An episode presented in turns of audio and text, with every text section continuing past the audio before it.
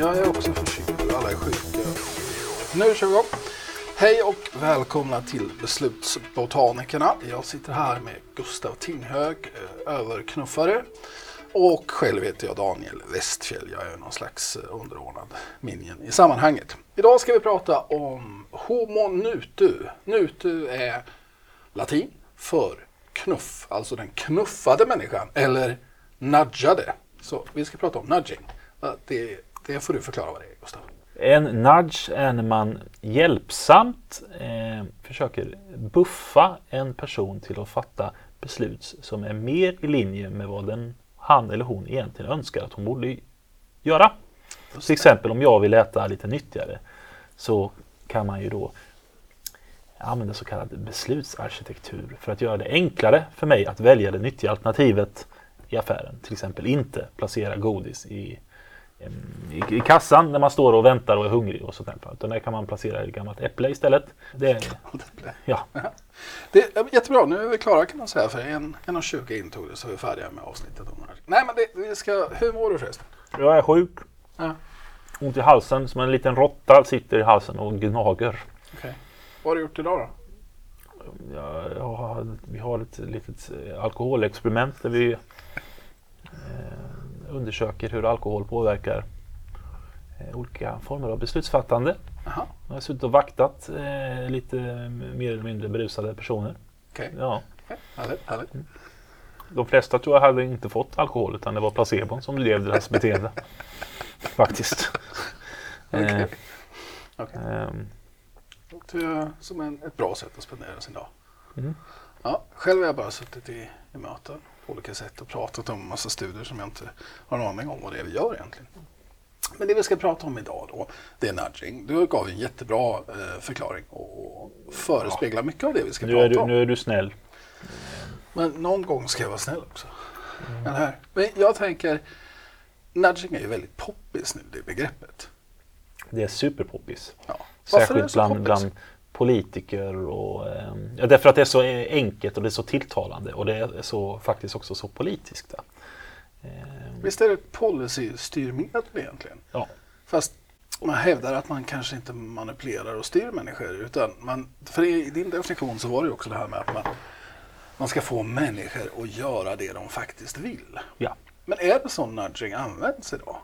Jag ska ja. säga en sak till varför det är också ja. väldigt, väldigt populärt. Det är att då, eh, genom att göra i princip ingenting, det vill säga ja, lägga maten i ögonhöjd istället för, så, så är tanken då att man ska få enormt stora effekter också. Alltså det är liksom väldigt kostnadseffektivt sätt att göra. Genom små interventioner får man stora effekter.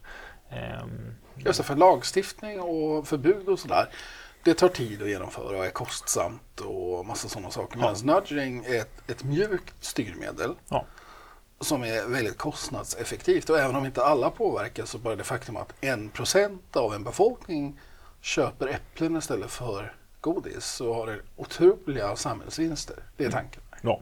Så kan, ska vi dra några eh, vanliga nudges? Som, som Tycker jag. Eh, den vanliga default-effekten, det vill säga att, att någonting är förvalt det är förvalt att eh, till exempel när jag ska åka tåg så är det förvalt att jag inte ska specificera vilken sittplats jag har. Det är en typ av nudge. Mm. Även om den Ibland kan det vara förvalt att jag ska betala eh, miljöskatt. Ja. Så får man liksom aktivt klicka ur och göra det. Ja, just det. Just det. Mm. Och där är organdonationer det mest kända exemplet. Ja, exakt. Va? Mm. Och de, här, och då, de här anses väl vara de kanske mest manipulativa av de, eh, nudgens som finns. Eftersom det är lätt att om man inte är, vaken så, så faller man dit för, för att göra ett beteende som man faktiskt inte Just vill. Just det. Så, så att man gör, om man inte gör ett aktivt val så händer bara någonting. Ja. ja. Och, och, även ett aktivt val är ju ett val kan man säga. Ja. Så väljer du att inte gå ur den här fri, ofrivilliga frivilliga organdonationen ja. så, så blir det liksom en konsekvens av. Ja, pensionssparande är en annan typ. Våra pengar sätts i en, automatiskt i en, en viss typ av fond om vi, inte, om vi inte gör ett aktivt val. Just det. det var ju i och för sig bra i det fallet för de flesta.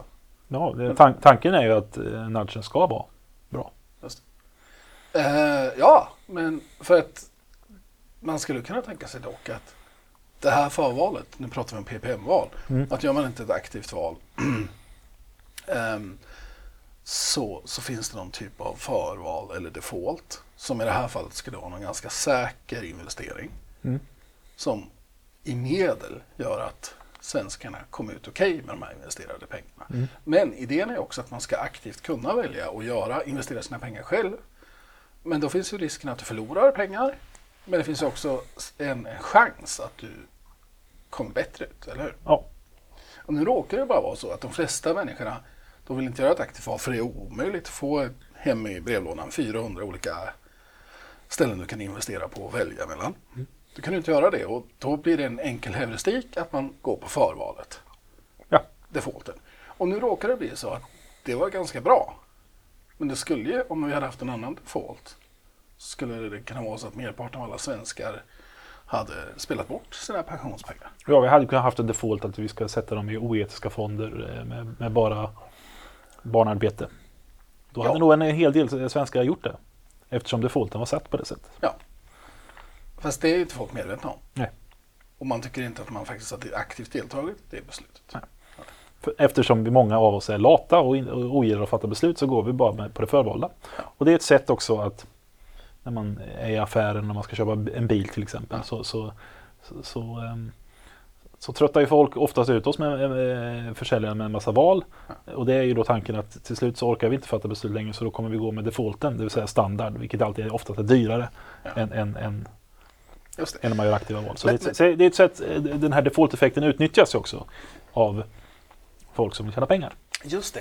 Men då kallas det ju sludge istället. Ja. Eh, så Dick Thaler då, det, det ska vi väl säga direkt här att Cass Sunstein och Dick Thaler är de som eh, ofta förknippas med det här begreppet med nudge. För de kom ut med en, en, en bok 2008 var det va? Som just hade titeln Nudge. Eh, och sen så, så bakom det ligger ju många herrans års forskning. Och väldigt viktigt varför vi pratar om det. Idén med nudge är att människor är ofullkomliga beslutsfattare och vi kan kapitalisera lite grann på de här feltänken som vi har pratat om i andra episoder för att hjälpa människor att faktiskt fatta bättre beslut. Så till exempel det här med default, det kan användas för att få folk att köpa dyra bilar men i en kontext där det handlar om samhällsintresse och individintresse som dina pensionspengar så kan vi använda samma feltänk för att hjälpa individen att fatta det beslut de vill. Det vill säga, jag vill ha bra med pengar till pensionen. Nu vet jag inte, är det du som har berättat för mig det eller har jag hittat på det här med att nudge-begreppet det var någon eh, förlagsnisse som hittade på det? Uh, nej, men det, nej det, har- det, det, jag tror inte det är jag som har berättat det, men absolut. Uh, jag tror att det var någon helt annan som jag har hört historien att uh, först så hette det inte alls nudge. Sen var det någon som kom med det här förslaget. Det var inte Thaler och inte Sunstein. Men sen kunde de inte sälja in sin bok, som för övrigt har sålt i miljontals exemplar nu, till olika förlag. För att de tänkte att det här med nudge, det låter helt oseriöst och, och kommer aldrig liksom hitta några läsare. Så det är den historien jag har hört. Att, att eh, nudge höll inte på att kallas för nudge. Så, och det ska man väl säga för er lyssnare som inte är helt insatta i nudgeområdet, att det har formligen exploderat sedan sedan 2008 när den här boken kom. Nu så har det, tycker jag, lite grann ersatt det här med alltså, green nudge finns det ett begrepp som heter. Det har ersatt mycket det här med hållbarhetstänk. Och att istället för att aktivt göra hållbara val så ska vi knuffa folk i rätt riktning för att göra eh, val som är bättre för, för miljön exempelvis. Och sen också kopplat till, till eh, hela den här intresset från statliga myndigheter eh, så har det faktiskt skapats flera regeringsinstanser som kallas för Behavioral Insights Team. Insight Team. Alltså det finns ett väldigt känt i England och ett i, i USA. Cass Sunstein var ju rådgivare till och med åt Obama.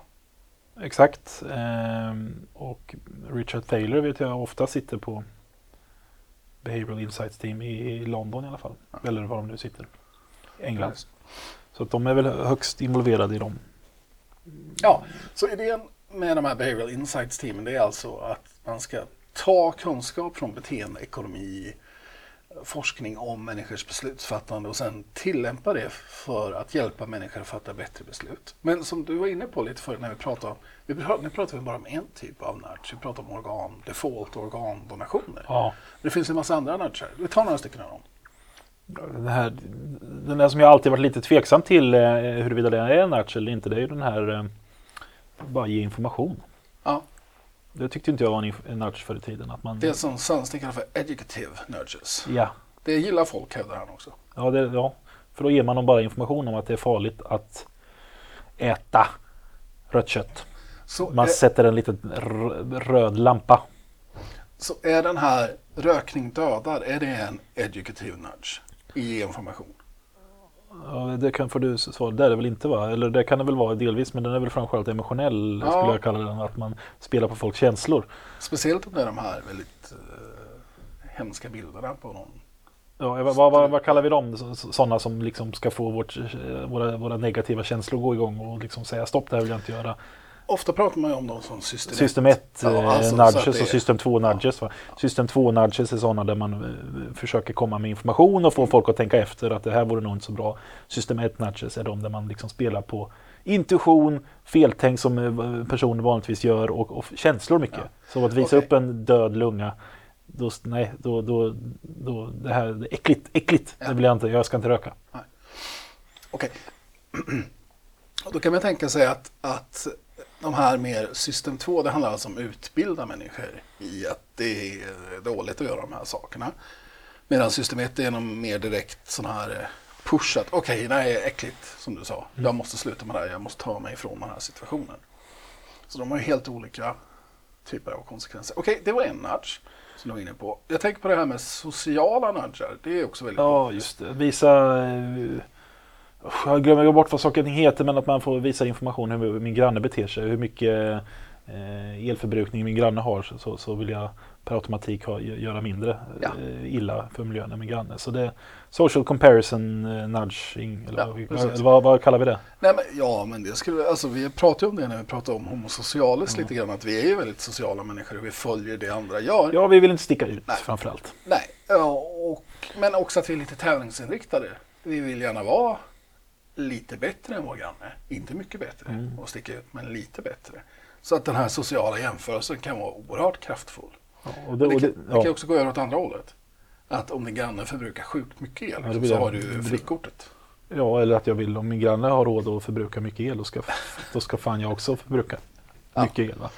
För oss som är lite tävlingsinriktade. Det. Men eh, den här att man då skriver på på deklarationen till exempel. De flesta människor redovisar eh, sina inkomster. Eller vad, vad, Den typen av nudge att man liksom berättar för folk att de flesta människor är faktiskt ärliga och redovisar alla sina eh, inkomster. Ja. Det ska då leda, då leda till att folk är mer ärliga när de deklarerar exempelvis. Och det har, ska de ha visat att det funkar jättebra i England. Mhm. Jag vet att, att det finns varianter på det där också som Dan Ariely har hållit på med. Med om man får skriva under sin deklaration före eller efter att man deklarerar. Ja, just det. Så skriver man under före, då är man mycket ärligare för då har man redan committat att det är jag som står för det här. Det är inte någon annan person som fuskar utan det är jag som fuskar. Ja. Men skriver man under efter när man har gjort alla sådana här avdrag och konstigheter som man ska göra, då är det mycket mer fusk. Ja.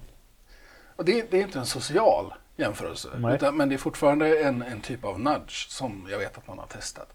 Och det, det kan man säga också är en intressant sak med, med de här behavioral insight-teamen. Att mycket av det som man bygger nudge-interventioner på, det är ju beteendeforskning från labb. Och sen så testar man dem i verkligheten. Och det är väldigt häftigt tycker jag att det finns en massa data helt plötsligt på vad är det som funkar. Man gör så kallade RCT, Randomized Control Trials. Ja, som man, man- gör inom medicin vanligtvis. Ja. Precis. Fast man gör det storskaligt så att man kanske skickar ut till hälften av alla, i, alla som ska göra sin deklaration så får man den här sociala jämförelsen. Andra hälften får inte det. Och så jämför man de två helt enkelt. Och så ser man att jaha, okej, av någon anledning så är skatteavdragen mycket lägre i den gruppen som har fått den sociala informationen. Och så drar man slu- slutsatsen då att ja, då har den andra gruppen fuskat lite grann. Mm. Och, och det tycker jag är väldigt häftigt. När man går, vi pratar ju om det som in the wild lite grann, men att man tar ut fynd som vi lätt kan producera kanske i ett labb och sen ser om det skalar upp i verkligheten. Mm. Problemet lite grann med det som har framkommit, alltså man har haft en jättestor tilltro till nudgeforskningen. Det är ju att ofta så får man ju inte de där stora effekterna i verkligheten för det är så många andra saker som påverkar. Mm. Och inte sällan kan, kan man få motsatta effekter, paradoxala effekter. Ja. Som det här med sociala jämförelser, det kan lätt bli att man konsumerar mer. Därför att jag ska gärna mig visa att jag har pengar. En social signaling aspekt också. Ja, eller som du sa, om, om grannen eh, slösar på så kan väl jag också vara, behöver inte jag må så dåligt. Nej. Så, så det skulle jag säga att den här initiala hypen som fanns kring nudging, den har väl lugnat ner sig lite grann nu kan jag tycka. Ja, Och det kanske inte är den här panacean som löser alla problem. Liksom, utan det kan vara ett verktyg för att styra människors beteende. Men man kan ju inte få dramatiskt stora förändringar. Och framförallt det som du brukar säga till mig när vi pratar om det här. Vi får inte ihållande förändringar. nej exakt. För folk är ju, ja det, det beror ju på vad man frågar va, men folk är väl inte dumma. Alltså en nudge kanske funkar en gång men det funkar kanske inte två gånger. Om det nu är så att man ens drifter att släppa ut eh, miljögifter är stark. Ja. Så gör man det, kanske man blir lurad till att göra det första gången men andra gången gör man inte. Men, eh, men leder det till att man fattar beslut som man faktiskt vill fatta, ja då har det ju kanske en, en mer ihållande effekt. Precis. Men, men det är ju det som är grejen, att då är det någon annan som ska veta vad jag vill. Ja, för att begreppet på engelska som man använder lite grann, det är ju den här med libertarian paternalism. Ja. Så, och det går inte ihop riktigt. Det är både fritt men det är styrt. styrt. Ja, Libertariansk paternalism. Ja. Men, men hela idén bakom det är att de två begreppen kan man inte riktigt sätta ihop. Du kan inte ha totalt fri vilja och samtidigt bli styrd av en storebror. Ja, det hävdar ju då. Ja, det hävdar Sunstein och Thaler. Ja. Eftersom man är alltid nudgad. Ja. Vad vi än gör i, i, i, eh, i samhället eh, så, så är det alltid, om det, vi, vi går till affären så är det någon som försöker nudga oss och köpa någonting. Och, Eller sludge house i det fallet. ja, sludge. Så många begrepp i den här världen. Ehm, ja, och Ja. Där, därför så är det, om det nu alla, alla onda krafter, alla kommersiella, jag tycker inte om att man säger onda, men alla, alla kommersiella krafter och alla eh, ändå försöker sludga oss. Mm. Ska det inte då också finnas goda krafter som försöker hjälpa oss att fatta de besluten? Ja. Så, så är väl den, den Ja, men, ja och det, det förstår jag att det är så. Och det är hela idén här. Man pratar om det som valarkitektur och det vi kan göra. Alltså så hela tiden, oavsett vilken miljö vi än är i, så kommer den här miljön göra att vi på det ena eller andra sättet är mer benägna att fatta ett beslut. Mm. Och idén här är att vi kan avsiktligt skapa en beslutsmiljö som hjälper människor att fatta bättre beslut. ja. Och det är nudge. Det är liksom nudge. Att vi sätter upp beslutssituationen på ett sätt så att vi kapitaliserar på människors feltänk och, och puttar dem i rätt. Ja, och det centrala är ju då att vi, det är inte så att vi förbjuder folk att fatta något annat beslut. Eller gör det dyrare. Liksom. Det, det enkla sättet att få folk att inte göra olika saker är ju bara helt enkelt att förbjuda. Förbjuda folk från att äta godis. För då slutar de äta godis. Det är som Eller- eller, eller- sån här i Norge. Ja, den här sockerskatten. Ja. Ehm, att, att göra det dyrare att äta. eh, äta det, det, är ju ingen, det är ju ingen nudge. Nej, ingen nudge. Utan det är... Det är heavy-handed förbud liksom. Ja. Och konsekvensen av det blir att det öppnar en massa, det är jätteroligt, alltså massa företag på gränsen till Norge som importerar norskt godis och sen säljer tillbaka det. Mm. Och det är samma sak med de här eh, alkoholskatten som vi har. Mm. Du kan åka ner till Puttgarden eller vad det är och köpa eh, Norrlands guld som de har kört från Sverige ner dit Mm. för att få bort alkoholskatten. Det är helt vansinnigt.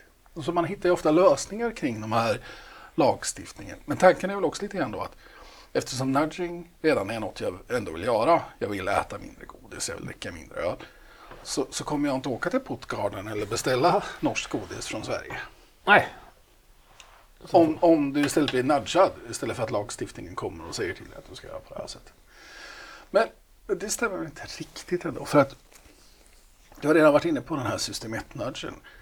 Det handlar väl också om att om vi tycker att vi blir manipulerade, som mycket av de här system 1-nudgarna är, och vi kommer på det,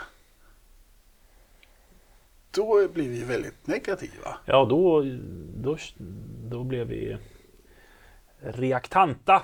Ja. Eh, alltså då, då, då gör vi det här beteendet bara på pin chi.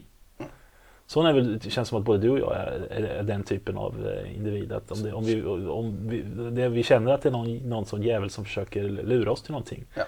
Då jävlar. Ja, då är väldigt god, goda och lågmälda personer förutom när man blir manipulerad. Då jävlar, då ska det... Ja, det, då känner man sig lite, ja, då blir jag lite kränkt. Ja. Ja. Eh, Ja, det, det, tror du att jag är så dum liksom? Att jag går för de här? Mm.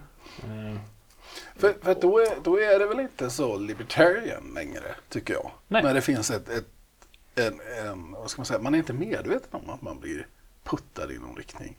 Och om man väl kommer på det, då skulle man faktiskt inte vilja det. Och jag skulle hävda att det finns en massa av nudgar som är sådana.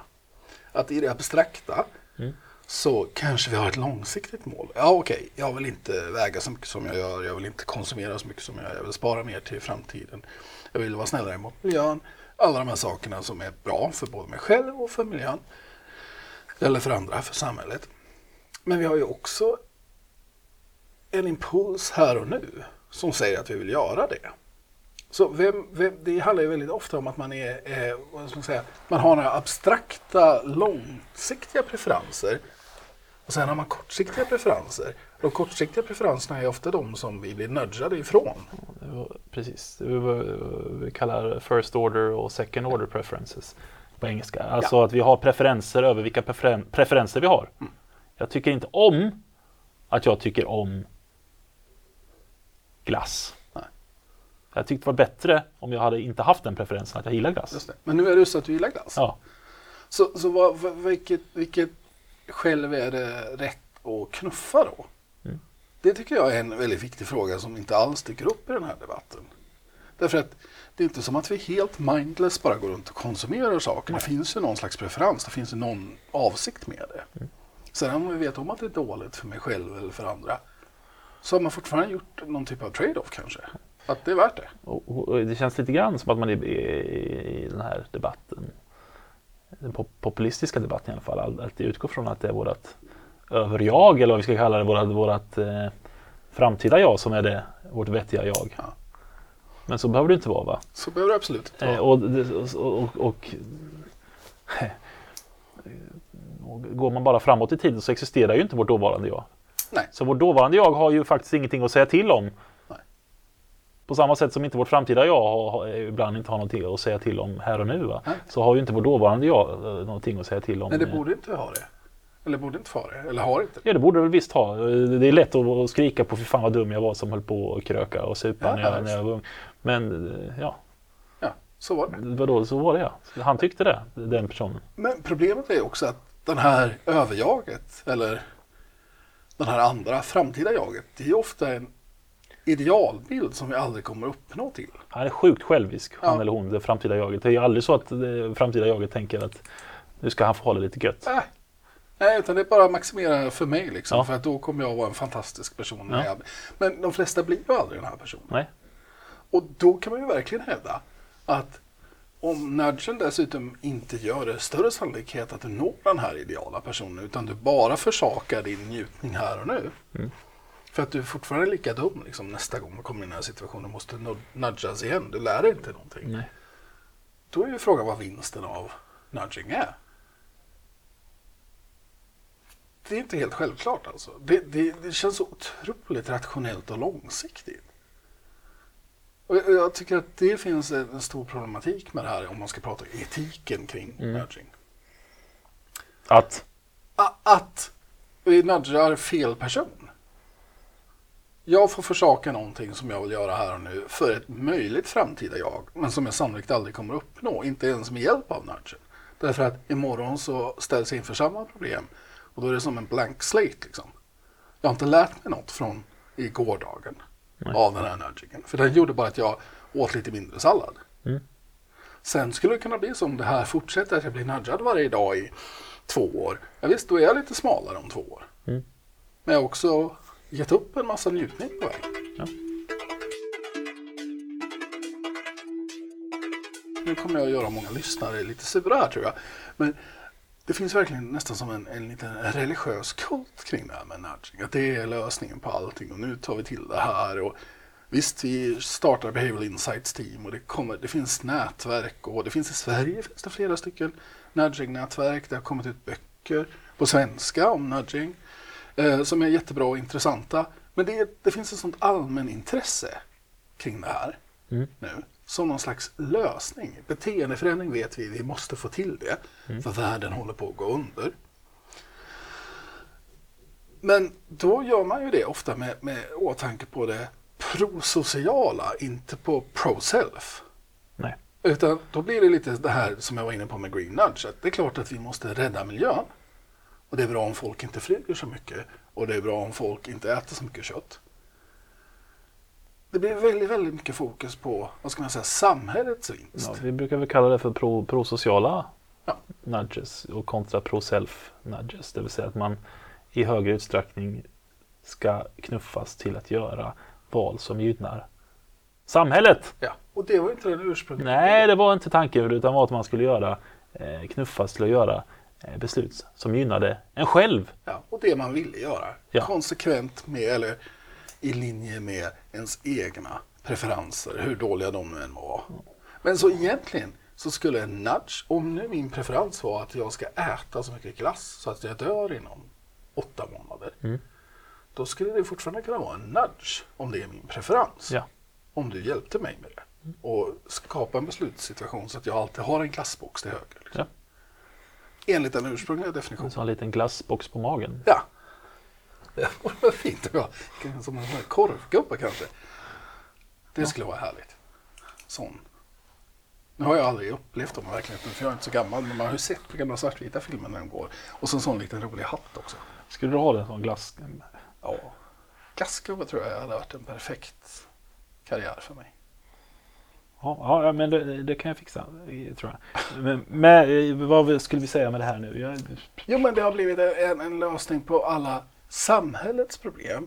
Men faktiskt för en kostnad för individen ofta. Ja. Det är det Ja, jag men- vill säga. och Och det var inte ursprungsidén. nej, det var inte ursprungsidén. Och, eh, eller skitsamma vad ursprungsidén var. Men det, ja, det, det har ju...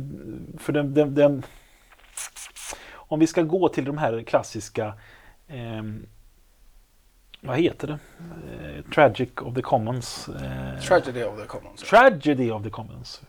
Det ska ju inte vara någon kostnad för individen själv att, att eh, Man ska inte behöva försaka sig själv för att gruppen ska få en stor fördel. Ja. Nej, och vad som gäller med alla de här typerna av eh, green nudges och vidare är ju att man, man ska faktiskt luras till att göra någonting som är jobbigt för en själv. För att Ja, samhället... potentiellt. Alltså det kan ju finnas, på, vadå pot- potentiellt? Ja, det, det, det ska göras lite jobbigare för mig att leva slösaktigt och eh, eh, och eh, det kommer göra att, att eh, naturen blir bättre. Men det bästa för mig vore om jag bara fortsatte och levde loppan och alla andra. exakt. Och alla andra bara skötte sig.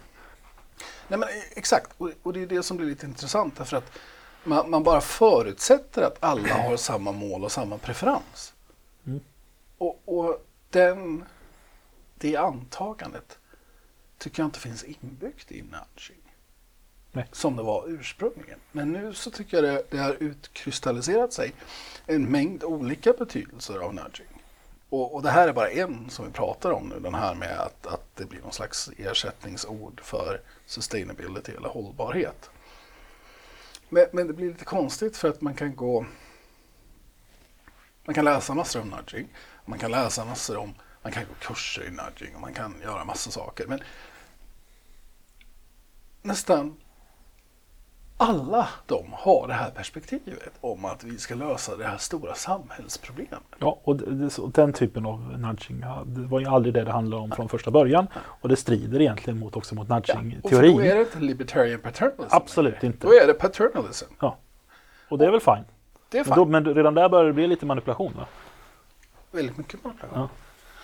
Så, så ja, det är intressant tycker jag då hur man, när man varit, vi har ju gjort en hel del forskning om nudging och vi ska kanske ta och intervjua eh, en av våra doktorander där, William Hagman, som, som eh, eh disputerar snart på acceptans kring nudging-interventioner. Eh, men vi har gjort en massa andra studier som relaterar till nudging.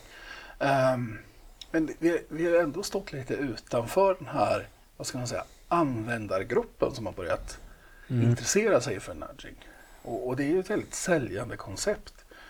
Så jag har väldigt, om jag ska vara helt ärlig, väldigt ambivalenta känslor kring begreppet nudging. Vi har ju projekt som heter Nudging My Future Self. Mm. Vi gör, eh, försöker göra interventioner för att hjälpa människor att fatta bättre beslut. Det är fine. Men det är fortfarande där tycker jag viktigt att vi håller på det där. Att det handlar om vad människor vill göra. Vi sätter det egenintresset lite mm. först. Sen så kan det komma som en väldigt positiv bieffekt. Samhällsvinsten. Så om fler sparar till sin pension. Framförallt så blir den som sparar väldigt lycklig. Därför den kommer kunna leva bra.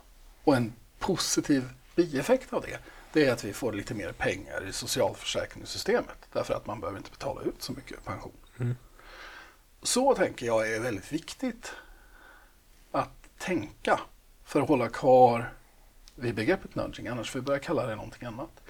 Och det finns ju en massa andra, man, alltså man pratar ju om beteendedesign och beteendeförändring. Han, Cialdini pratar ju om det här med influence väldigt mycket, alltså hur kan vi, och persuasion, hur kan vi övertyga människor om att förändra sitt beteende i någon riktning. Ja, just det.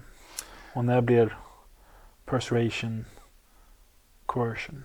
Ja, precis. Men det kommer inte upp så mycket i de diskussionerna det är fortfarande där. Det är fortfarande lite det här, det är lite, vad ska man säga, moraliskt högtravande. Det, det, men det, nu ska jag säga, eh, ta bladet ifrån munnen här efter ja. din eh, svada. Förlåt. Eh, jag tror det är det som jag känner att det, det, det känns lite moraliskt och politiskt högtravande eh, så fort man hamnar i en nudging-kontext. Eh, det har jag, och det har jag lite problem med. Kan du förklara för mig var, var, varför det är på det viset?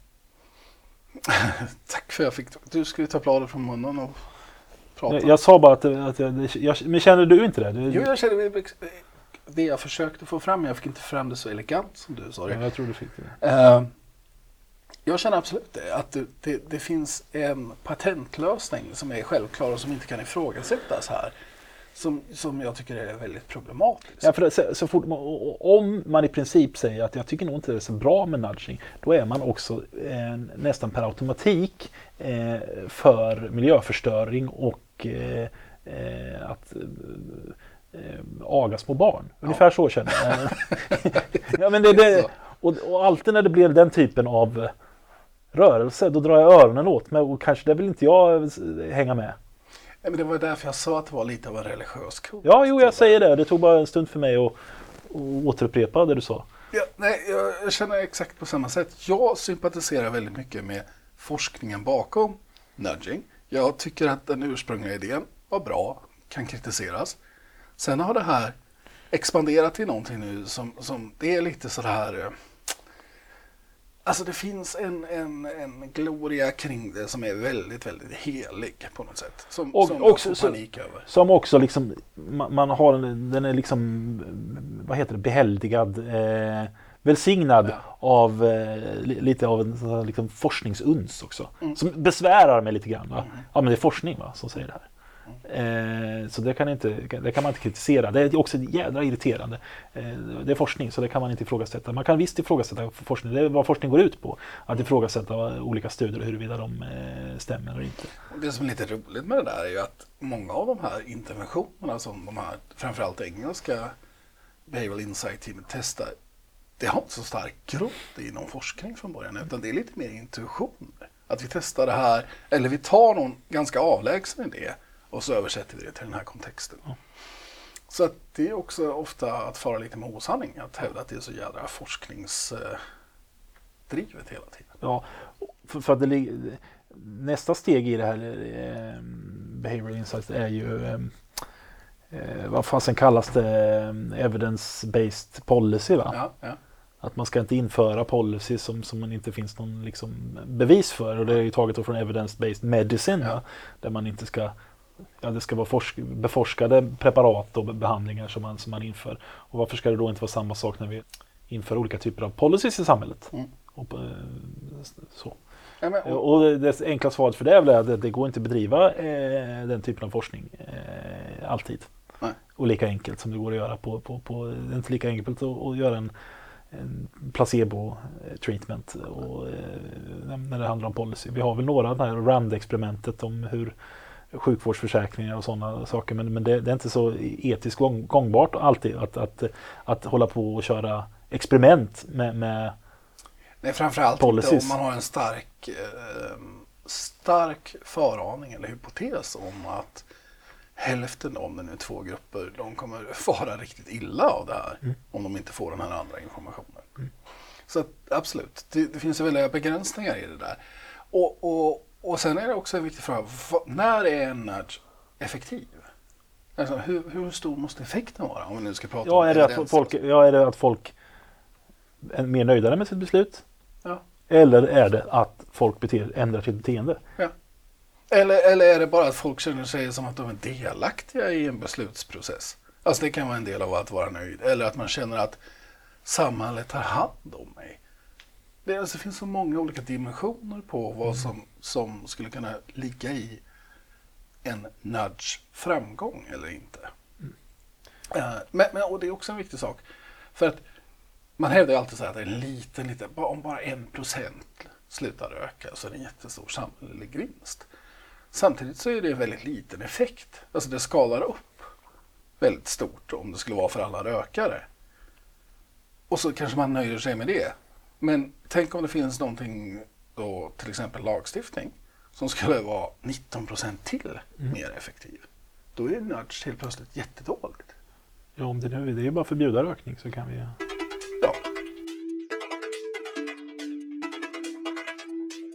Hade något så här riktigt klipp så jag skulle säga, ah, skit det jag klipper in det sen. va? Ja, det kommer tillba- tillbaka sen. Eh, Under tiden medan du funderar på det så vill jag bara säga till alla lyssnare att ni, nu har vi varit ganska kritiska här kring nudge. Ja, det var det. Så nu kommer jag tillbaka vara kritisk. Vi, vi ska inte bara vara kritiska hela tiden.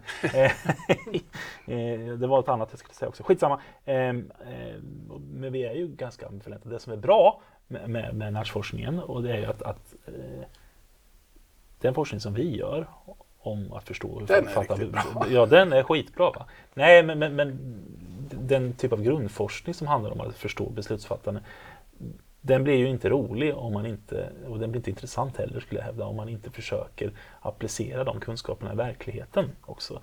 Och den delen tycker jag är viktig. Är Eh, för att det, det är tråkigt, eller tråkigt, jag skulle säga att det, det är inte bra allt för e- mycket forskare som aldrig eh, har, med, vill eller har med verkligheten eh, att göra. Så jag tycker det, det, på, på, på så sätt så är det, är det, är det här ett uppfriskande eh, forskningsfält. Eftersom det är väldigt applied. Va? Absolut. Och, och det faktum att man har identifierat att den här människan finns, Homo nutu, alltså den knuffade människan. Det har också faktiskt gjort, förutom att, att eh, forskningen får en, en tillämpbarhet, så har den blivit väldigt synlig. Fältet som kallas för beteendeekonomi eller behavioral economics har ju fått en rejäl skjuts också av den här, vad ska man säga, tillämpade sidan på det.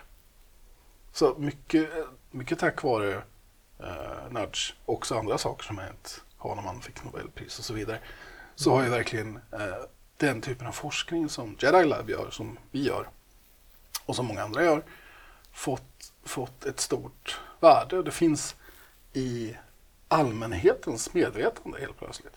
Mm. På ett annat sätt. Det kommer ut populärvetenskapliga böcker på svenska. Det görs små korta informationsfilmer och, och liksom massor av saker som, som ökar medvetenhet om den här typen av forskning. Åsyftar du de här eh, korta informationsfilmerna där du och jag sitter med lustiga hattar i, i, i bilar då? Nej, jag, nu tänkte jag inte just på de informations... Men det är ju jättebra exempel. Det är fina informationsfilmer. Jag undrar hur det kommer bli. Jag har inte sett dem än. Nej. Nej, fint. Ja, ja men det får förklara för våra lyssnare att vi satt då ett par dagar och spelade in informationsfilmer om eh, feltänk och nudges eh, i Gustavs garage iklädda tyrolerhattar och morgonrockar. Åh. Vi kommer inte få några eh, erbjudanden från från något större filmbolag framöver. Tyvärr. Nej, tyvärr. Eh, Vi, vi kunde inte hålla många meningar i, i, i, i, i minnet utan att det blev galet. Nej. Faktiskt lite skrämmande. Nej, men jag, jag känner mig som ett rådjur i, i, i helljus alltså, så fort jag ställde mig framför kameran. Det, var- det var jättejobbigt när vi fick ta om. Hej, jag heter Daniel Westfjäll. Det fick vi ta om liksom 15 gånger. Det är inte okej. kan, hur kan vi återupp... Ska vi köra? Nej. Hej, jag heter Daniel Westfjell. Jag jobbar med beslutsfattare. Nej, jag vet inte vad det var. Men väldigt mycket i de informationsfilmerna så pratar vi om insikter från beteendeforskning. Och då pratar vi just om sådana här små eh, enkla knuffar som man eh, skulle kunna ge folk för att fatta lite bättre ekonomiska beslut. Nu var det faktiskt inte vår informationsfilm jag tänkte på, men stay tuned så kommer det komma. Vi lägger naturligtvis upp det och ni ska dela det vidare på Facebook och så vidare. Boost! Vad är det för något? Det är en stor röd knapp man har så trycker man på den så får man extra power. Men det är också ett alternativ till nudging. För problemet som du identifierar med nudging det är att det är lite one shot sådär. Det funkar kanske när jag står och ska ta sallad. Eh, eller ta mat, då tar jag mer sallad i kafeterian men jag tar andra saker och då får jag i mig lite mindre kalorier. Men det har ingen som helst transfer överföringseffekt till nästa situation. Boost istället det handlar om att försöka stärka människors beslutskompetens. Så att man mer, vad ska man säga, har bättre förutsättningar kan man säga för att fatta beslut. Som är bättre och är mer i linje med det man vill göra. Så att man kan till exempel eh, träna människor i hur man tänker kring siffror och matematik och finansiell kunskap. Man kan utbilda människor i hur man fattar beslut. Man kan introducera beslutshjälpmedel som inte bara är sådär att okej, gör inte det här, utan det handlar om att okej, så här processar vi information, så här fattar vi beslut. Ställ fördelarna med A mot B, så fattar du ett bättre beslut. Hur boostar du dig? Jag boostar mig. Problemet är ju att man kan ju tycka att jag borde ha ganska hög beslutskompetens. Mm. Jag har ju boostat hela mitt liv genom att studera. Det är väl den ultimata boosten, alltså att, att försöka utbilda sig på något sätt i hur människor funkar, Ja, man själv funkar och så. Jag tänker att vi, att vi, vi studerar det här eftersom att vi är usla va? på att fatta Ja, beslut. ja, så är det Så ju. vi kanske kan komma upp till någon baseline här till slut. Ja. Men, men i, jag vet inte, jag tror inte att jag boostar mig. Ja, boostar du dig aldrig? Har du... Nej men äh, inte för att fatta beslut. Alltså, det- är väl så här, jag har ju ändå inte en helt dålig numerisk förmåga. Jag kan ju räkna ut saker. Jo. Ja, men sen så, precis som vi pratade för några eh, avsnitt sen, så undviker jag information. Mm. Så att, jag vet inte. Hur boostar du dig? Nej, jag skulle se, det här, jag, det vet att du också gör, jag gör listor. Ja, Eh, hela jag, tiden. eh, Jag gör en, eh, nästan varje dag på olika sätt prioriteringslistor vad, vad, vad som finns som ska göras. Mhm. Och sen lista eh, vad som är viktigast och hur jag ska gå ner. Det tänker jag är eh, ett sätt att boosta mitt, mitt, mitt prioriterande kring, kring de uppgifterna jag har. Va? Eh, Det är det. för, för att hade jag bara gått på intuition hade jag glömt bort någonting eh, och jag hade he- helt klart Mhm. inte jobbat med det som hade varit viktigast, tror jag. Nej men så är det ju. Det, det är ju ett, ett givet beslutshjälpmedel. Våra listor, också våra, som jag satt, vi satt förut här med en av våra doktorander och sa att du måste ge oss en deadline. Det brukar ju vara tvärtom, att handledarna säger till doktoranden att du har den här deadlinen. Men vi sa att vi måste ha en deadline för annars kommer vi aldrig arbeta med det här. Ja, jag vet specifikt så sa du jag måste ha en deadline för då vet jag att jag kommer göra det två veckor efter deadline. Och det är ju väldigt, det är ju en väldigt tydlig, tydlig eh, vana jag har. Liksom. Att jag gör ju aldrig saker i tid, men jag gör det om det finns en deadline. Det här är ju något, den här the mere urgency effekt. Ja. Vi jobbar bara på saker och ting som är akut. Va? Ja. Eh, det här blir som en drog efter, Mm. efter ett tag. Ja, det Det, det måste vi sluta med. ja. Men listorna kan ju hjälpa lite grann, för att det är fortfarande så. Ja, jo, listorna är ett Ja. sätt att undvika att inte bara jobba med det som är akut utan faktiskt jobba med det som är viktigt. Fast det är en clash där mellan kalendern och listan. Det är två stycken externa beslutshjälpmedel vi använder hela tiden. Men, men de är ofta i clash därför att det som står överst på listan ligger inte i kalendern. Nej. Och det är ju också ett kardinalfel vi gör. Ja, vi har, vi har ju en urgency-lista, vilket är kalendern, och vi har en viktighetslista, vilket man skriver själva. Och, och, och där man slits mellan dem. Ja. ja, det är det. Men, men, jag har ett annat problem med det där. Som, det blir en ironisk effekt av det här beslutshjälpmedlet. Det är ju som att har jag skrivit upp någonting på listan, Då har du gjort det. då har jag gjort det. Då är det klart, då finns det ju på listan så behöver jag inte tänka på det. Och den andra grejen som jag inte sällan gör, det är att jag skriver upp lite lätta grejer på listan så jag kan bocka av några. Ja, den är lurig. Ja. Den är lurig. Den, den har jag... men Jag har en separat lista för, för, för lätta grejer. Okej. Och, eh, Som jag kan sudda ut hela alltihopa. Typ så här. Lämna in, kopie, kopiera in det här eh, signaturen och, och scanna iväg. Ja. ja. Men, men det är ju livsfarligt att ha det för att de här svåra sakerna måste man ju bryta ner då i massa delmoment. För annars blir de aldrig gjorda. De Nej, men, men vi har ju så tung, man har ju så här tunga punkter som att skriva den här, färdigt den här artikeln som man liksom har haft två år. Som aldrig försvinner. Alltså, och om vi ska vara riktigt ärliga så har vi ju vår bok på den här prioriteringslistan ganska högt. Den, ja. Jag tänkte på den faktiskt Ja. förut idag. Ja. Hur går det med det egentligen? Jag tänkte att det skulle vara himla kul att göra den. Ja, absolut. det, det är ju också... Men, men det, vi har ju ingen deadline, så den finns inte i ena beslutshjälpmedel. Nej. Och, och vi har dessutom den på listan som skrivbok. Mm, och det är för stort va? Det, då, då kommer ju så här mejla, mejla Anja, gör oss före Ja, det är så... än skriva bok. Ja. Så, så vi måste nog kanske harmonisera våra listor lite, våra beslutshjälpmedel. Mm. Men Och jag ska vara ärlig nu att på den listan som jag, när jag boostade mitt beslut, hade jag tio viktiga saker. Och på dem, och de tio viktiga sakerna så var inte skriva bok med. det, nu, nu sitter jag, nu, det här är ju inte ett tittskåp som sagt var, men jag, Ja, jag är det- väldigt besviken just nu. Alltså på min lista, nu, nu har jag så många listor också. Jag har faktiskt en sån här masterlista också. Där det ibland står C, alltså det är bara en ordning av vilken lista ska jag ta först. Jaha. Så jag har också så här priolista, inte så prio, ganska prio, Ja. göra senare, idéer, läsa, skriva och de är ju överlappande också. Ja, Ja, det är riktigt bra. Men jag gör också en priolista oftast kring julen som är lite mer, den är lite mer abstrakt. Eh, kring hur jag ska liksom förhålla mig till året. Jag ska Som har varit eller året som kommer. Som, som kommer va?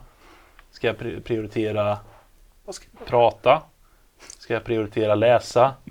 Ska jag prioritera tänka? Den typen av... Eh, Det är otroligt. och när bockar du av någonting på den listan? men den bockar jag inte av riktigt. Utan, utan jag Det är mer tänker... här st- statement. Ja, det är ja, statement. Utan det är vad jag ska fokusera på. Det är din inriktning. Och vad, vad, bara, får jag bara gissa vad det här året har varit då? Alltså du får inte säga att jag ska gissa vad Ja. ditt år har varit. Alltså, Kommer du ihåg vad det har varit? Jag ska få tänka efter lite. Nu. För, för jag, jag tänker ändå att eh, då tror jag att ditt år här har varit skriva. Det är rätt. För du har skrivit en hel del grejer alltså. Ja, det, det, var... Eh, eh, Då är du uppe i ett mål. Du har Ja, en jag- extern eh, validering här. Det ska jag säga att det, fak- faktiskt brukar jag så. Men, men, men det, det är inte så att jag slutar att tänka då. Men, men, men, och, och, och att skriva involverar rätt mycket att tänka. Men jag, Ja. mm, jag försöker ett år i taget. Prioritera. Och vad blir nästa år då? Det här är jätteintressant. Det, nej, ja, det här tänker jag. Det, är inget, det här är ingenting som jag intuitivt plockar fram. Utan får, Nej, då måste man måste tänka. Men det, då får man ju ta, ta, tä- tänka på att vi har den här boken och liksom hur, vad, vad är det som är viktigt för nästa år. Uh, och, och, och, och långsamt processa den här och låta det här mogna fram. Vi har ju sagt det att man får fatta bättre beslut när man inte tänker så mycket på saker. Det handlar om att gå i skogen, tänka efter lite grann, bara känna, bara vara. För jag hinner inte tänka så mycket eh, på, när jag jobbar. Va? Det är helt otroligt. Va? För det, det, det är bara... Gör, andra grejer då. Bara Ja men det är, det är liksom Mota Kalle i dörren eller vad det nu heter. det låter det som, men det är högt och lågt i en salig blandning Ja. eh, 24 timmar om Men dygnet. det är också ett problem, tycker jag, att man inte får sammanhållen tid för att göra saker. Det är ofta så här att de här, många saker skulle kunna betas av på en lista om man bara satte sig ner och hade lite tid. Men då är det ju 57 andra grejer som ska göras under den här lilla korta... Men sak samma, Ja, nu pratar vi om något våra helt annat. Ja, vi, personliga- var, vi behövde lite själv, självinsiktspodd, kallar vi men det här. det är, det är inte det. Själv, jo, det var självinsiktspodden ja. Ja. inte Självhjälpspodden. Eh, Boost i alla fall är ett alternativ till nudge. Och Boost tror jag, om man nu kan stärka människors beslutskompetens på olika sätt så, så har ju det en jättemycket större potential i alla fall. Kan man boosta varandra? Man kan boosta. Varann? Nej, men, Ja, alltså vad menar du? Det gör väl vi hela tiden? Vi kan bo- jag Ja men det kan vi. För vi hela, när, man går i skolan, mötet. när man går i skolan, är väl, det är väl en boost? Ja, det är det. Men, men en social boost är det också. För att det är väl, vi satt här förut och, och löste någonting som både du och jag har liksom pushat undan hur länge som helst. Så satte vi oss och så fixade vi det på tio minuter. Ja, det var... Det, var, det känns väldigt bra för nu känns det som att vi har gjort någonting. Ja, det känns faktiskt som att vi har gjort något viktigt idag. Precis. Och, och det var ju en social boost därför att vi förstärkte varandra lite Ja. i den. Och det handlar inte om att vi nudgade. Det var inte så här som att du hade arrangerat om eh, godisskålen och min dator så att jag helt plötsligt tog mig an det där. Utan det var ju verkligen att vi satte oss ner högst medvetet och bara nu gör vi det här ihop. Mm. Klart. Ja, bra, nu ska vi inte dra ut för länge på det här. Nej, för Vi- ja. nu har min eh, doktorand här seminarium om två minuter. Ja, men, ja, kan, kan du först då, då måste du bara säga vem är landskapsman för nudge? Eh, ge mig lite... Det, det, det, här är en sak som vad- Hur är en sån landskap... Homo nutu. Homo nutu, en sån som går runt och, och lättknuff... Jag tänker att det är en lättknuffad jävel. Lättknuffad eller en knuffare? Eh, Choice Architect eller mottagaren? en lättknuffad jävel. Ja, en lättknuffad jävel här. Glenn Hysén. Glenn Hysén. Ja, men det håller jag med om. Alltså han går ju väldigt mycket. Jag har sett lite på den här serien nu. Ja. Det vad som helst presenteras framför honom så gör han Ja, det, är- det är gött alltså. Ja, det är gött. Ja, det är härligt. Ja. Och det är inte så mycket. Det är egentligen alltid det han har velat göra. Mm. Det han gör hela tiden. Fast han gör också helt slumpmässiga saker. Ja. Ja, mycket bra. Mycket bra. Och är hans fru då valarkitekten som försöker Hans, boosta honom? hans exfru. Hans ex. Ja, det står har gått ut i tidningen och skrivit. Ja, nej, det är fantastiskt bra. Eh, med det så tackar vi för idag. Vi Ja. vill också säga att följ oss på Twitter. Och eh, vi, vi eh, tackar våran eh, eminenta producent Olle Borg som har fyllt år en gång. Ja, han har fyllt år flera gånger, men nyligen har han fyllt år. Kanske inte var så himla nyligen nu. Nej, men det vet väl inte folk när vi har spelat in det här? Eller? Eh, Eh, Han är bra. Han, är- han är riktigt bra. Han är faktiskt en del som ni aldrig får höra någonting av. Vi är ett team på tre, men han sitter bakom rattarna och fixar och styr upp oss. Och han boostar oss. För utan Olle hade vi aldrig gjort det här. Och det kan ju vara bra eller dåligt för världen, tänker jag. Mm. Vad har du lärt dig av dagens samtal? Ja, eh, att det här finns på inspelat. Så jag kan använda det sen. Det är som en lista för mig. Ja. Vad tror du att våra lyssnare har lärt sig av det här? Ja, att vi är riktigt osköna killar som kritiserar massa... Alltså vi är för barnaga och eh, vi är alltså de här riktigt dåliga människorna som man ska undvika. Tror jag att man infererar från det här. Två feta grisar. Som sitter och har det jävligt gott och orerar om andra saker. Ja, och en, on that bombshell så tackar vi för idag. Ja, Ja, tack. puss och kram. Vi älskar er.